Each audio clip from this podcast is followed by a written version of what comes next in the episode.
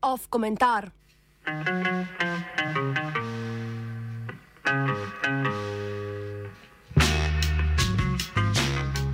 V mrtvilu čakajoče referendumsko jesen.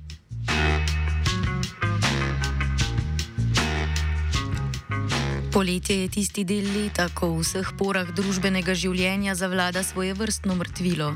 To velja tudi za medije, ki v obdobju kislih kumaric pristanejo na banalno poročanje o dopustovanju politikov.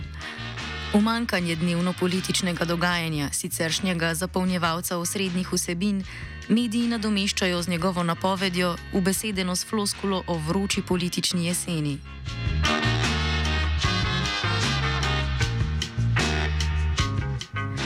Tako v samostojni Sloveniji najbrž ne bi našli jeseni, ki ne bi bila politično vroča, ne glede na to, kaj se v politiki od okoli 23. septembra dalje dejansko zgodi. Za uporabo omenjene oznake zadostuje že ukvarjanje politike same s seboj, bodi si v obliki notranjih kadrovanj, bodi si koalicijskih in strankarskih razprti in ostalih vsakodnevnih političnih manevrov. Skupno jim je, da voljivci na nje nimajo neposrednega vpliva, zato ti ob morebitnem upoštevanju javnomnenjskih raziskav potekajo povsem samozadostno.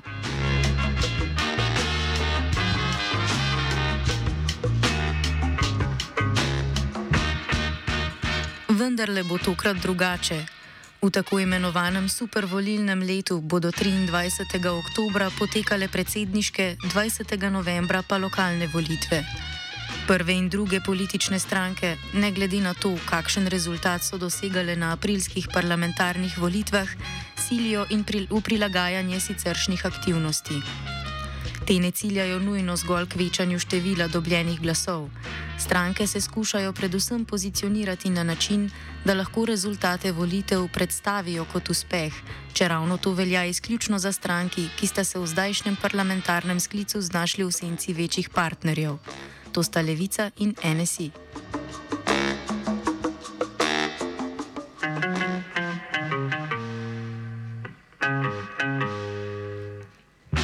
V obratnem položaju sta največja koalicijska in opozicijska stranka, ki ima za določanje novega realpolitičnega razmerja moči štejele rezultat. Gibanje Svoboda se je združitvijo, de facto pripojitvijo LMŠ in SAB, odločilo za konsolidacijo levo-sredinskega pola, namen katerega je vzpostavitev nove LDS in nagovarjanje najširšega spektra liberalnih voljivcev. Hkrati vodi nadaljevanje eliminacije sicer majhnega, a vseeno ne nepomembnega in nezanemrljivega pojava, katerega odsotnost je v končni fazi botrovala rekordnemu številu osvojenih parlamentarnih mandatov, to je razpršitve glasov.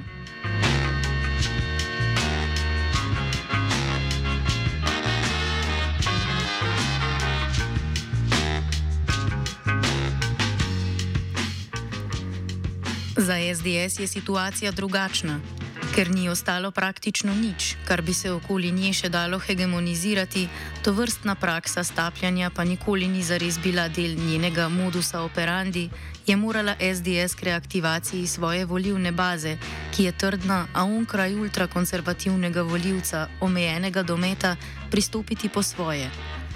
Pri tem se je oprla na preverjeno prakso vlaganja pobud za razpis referendumov.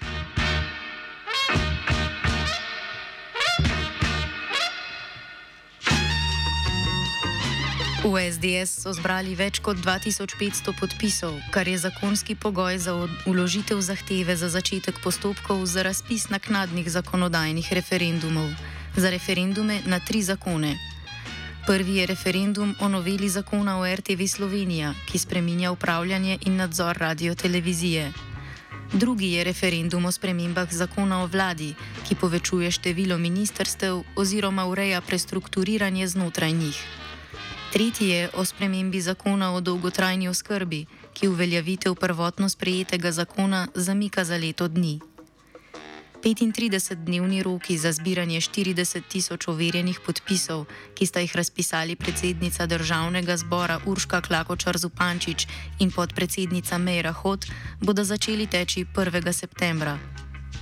Poleg očitnega časovnega okvira, ki so upada z začetkom uradne kampanje pred predsedniškimi in neuradne pred lokalnimi volitvami, v oči bode predvsem ideološka podstat naštetih referendumskih pobud, ki se sklada z usmeritvijo SDS, čeprav le na deklarativni ravni.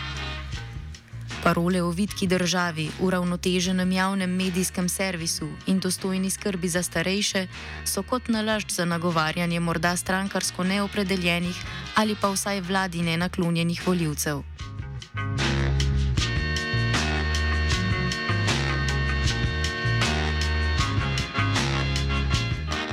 Večina tistih, ki se je parlamentarnih volitev udeležila, je mandat za spremembe pri zakonih o vladi in RTV Slovenija novi oblasti tako ali tako že podelila, saj je bila reorganizacija ministerstev vsaj nakazana, depolitizacija radio-televizije pa del programov in ena najpomembnejših točk predvolilnih soočen.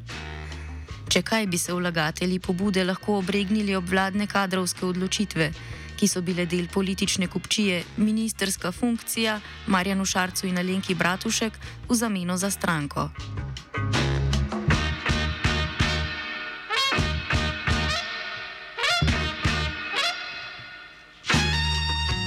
Tako je od uloženih pobud za naknadni zakonodajni referendum pomenljivejše, o katerem zakonu SDS te pobude ni vložila, torej proti zakonu za zmanjševanje neenakosti in škodljivih posegov politike ter zagotavljanje spoštovanja pravne države, ki so ga pripravili v inštitutu 8. marec.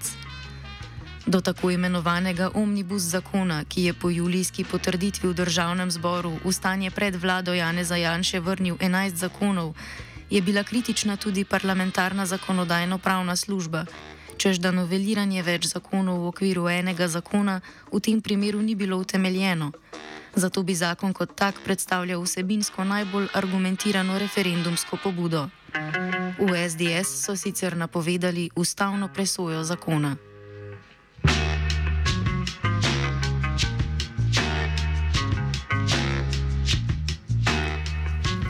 Ravno v tem, zakaj ne pobudi za referendum o zakonu 8. marca in zakaj da pobudam za referendume o drugih treh zakonih, se razkrije taktika, ki se je na političnem prizorišču poslužuje SDS.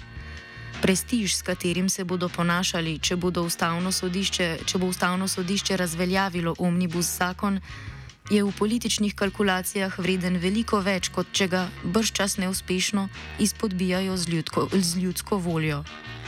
Zakon o vladi, zakon o RTV Slovenija in zakon o dolgotrajni oskrbi so snov, ki zasede kalup, ki bi ga sicer lahko zasedel katerikoli drugi zakon s podobnimi mobilizacijskim potencialom.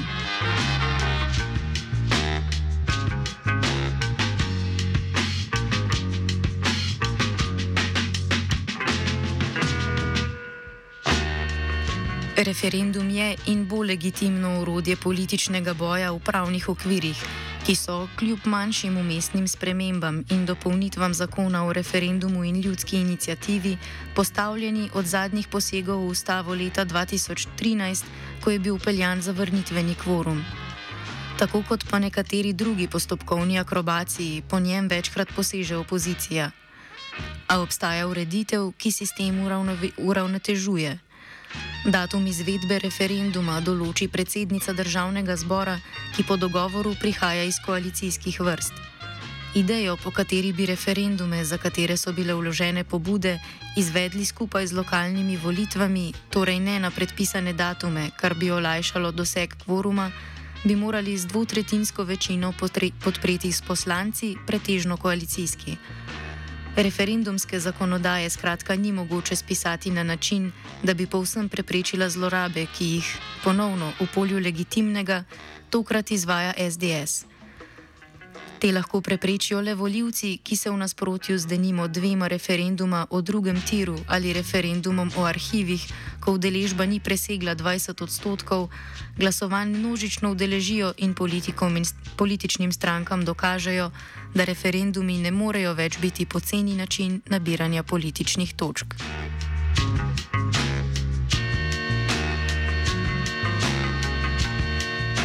Komentiral je Fabian.